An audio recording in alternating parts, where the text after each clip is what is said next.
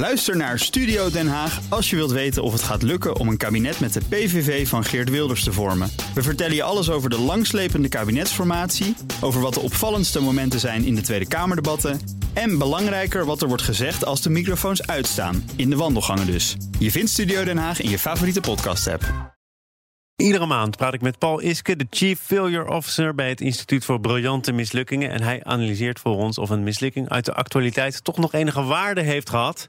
Vandaag het plan om camera's met gezichtsherkenning in te zetten in verzorgingstehuizen. Welkom, Paul. Ja, dag Thomas. Goedemiddag. Waar kwam deze behoefte vandaan? Waarom moesten die camera's er komen in die verzorgingstehuizen? Ja, nou laten we eens even in een bredere context plaatsen. Ik hoor toevallig net iets een uh, commercial over laten we Nederland slimmer maken. En dit is nou net een verhaal wat gaat uh, over de strijd tegen de georganiseerde domheid. Dus dat, uh, ik denk dat dat wel... Die kom je op veel plekken tegen? Ja, ja, ja helaas wel.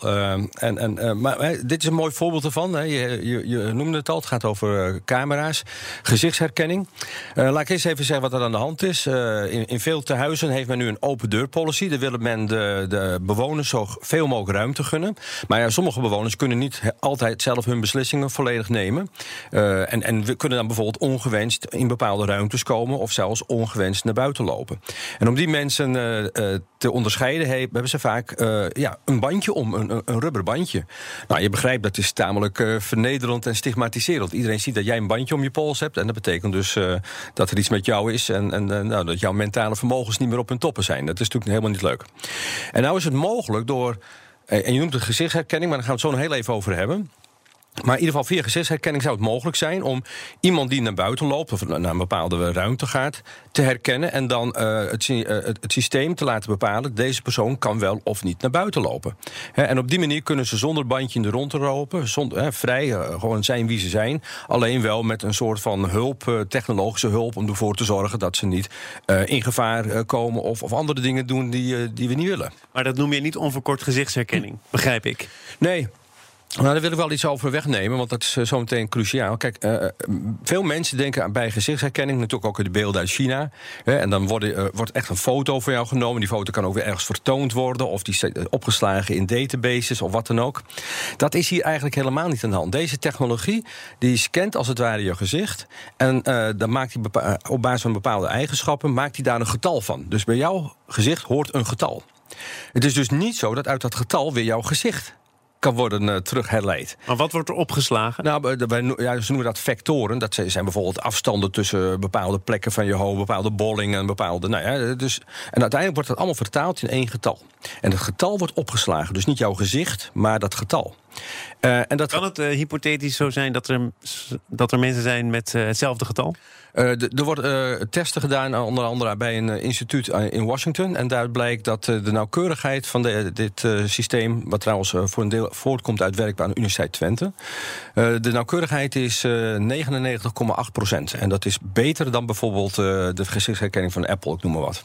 Toch is het terechtgekomen in deze rubriek. Dat wil zeggen dat het niet allemaal van een leien dakje is. Nee. Sterker nog, volgens mij wist de bedenker het brein achter dit plan vanaf de eerste seconde ik kom in aanraking met de autoriteit persoonsgegevens en dat wordt geen fijne wedstrijd. Nee, nou ja, kijk, net ik al zei, er is uh, heel veel te doen over uh, gezichtsherkenning. Uh, en, en, wat gaan ze doen met mijn gezicht? En, nou ja, en dat, die hele privacy-discussie, waar ik trouwens buitengewoon mee eens ben. Ik ben ook heel blij dat ik in Europa woon met de GDPR. Alleen het probleem hier zit in het volgende: niet alleen die mensen die voor wie het bedoeld is, die worden door de camera's waargenomen, maar ook alle andere mensen tot en met bezoekers of voorbijgangers, bij wijze van spreken, als dat ding ook nog buitengericht zou zijn. Die er niet om hebben gevraagd. Nee, en, en nou zegt uh, de, de, de, GDPR, heeft de Algemene Gegevensverordening, uh, die zegt dat mag niet. Je mag niet mensen ongevraagd uh, in beeld brengen met een camera.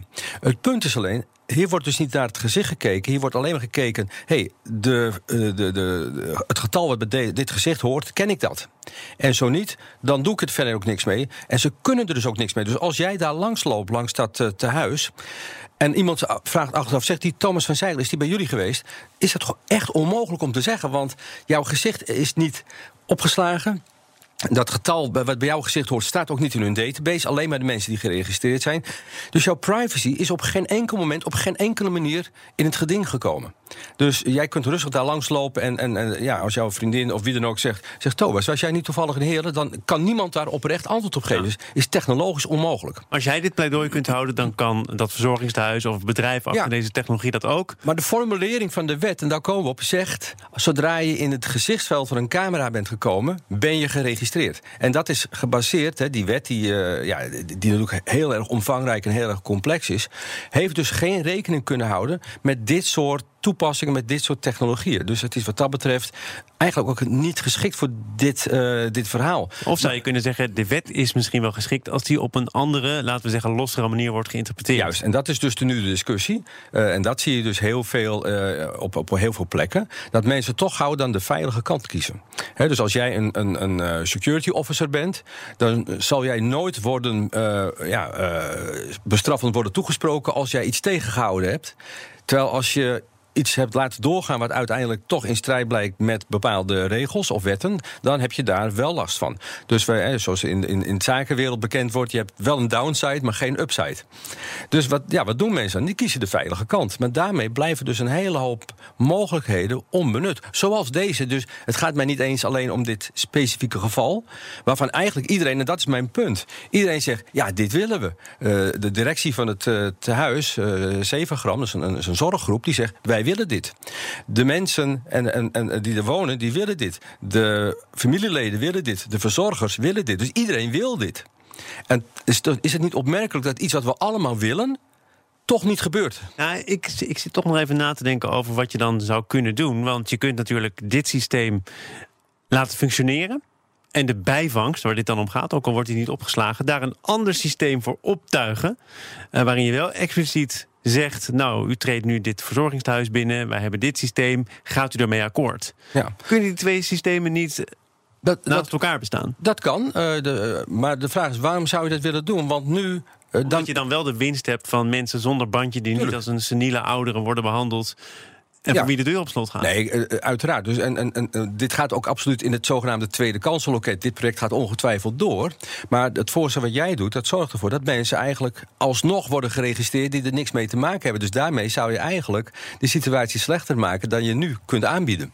Dus je wil helemaal geen mensen registreren die eh, totaal met het verhaal niks te maken hebben. En, en zeker niet om een reden die er niet is. Want als je zou zeggen, ja, maar daarmee kun je mensen dus hun privacy laten behouden, is helemaal, het is niet aan de orde. Maar het gaat puur om de formulering van de regel. Iemand loopt langs een camera, dus is hij in beeld geweest. Dus moet je, eh, moet je voldoen aan alle eisen van de AVG.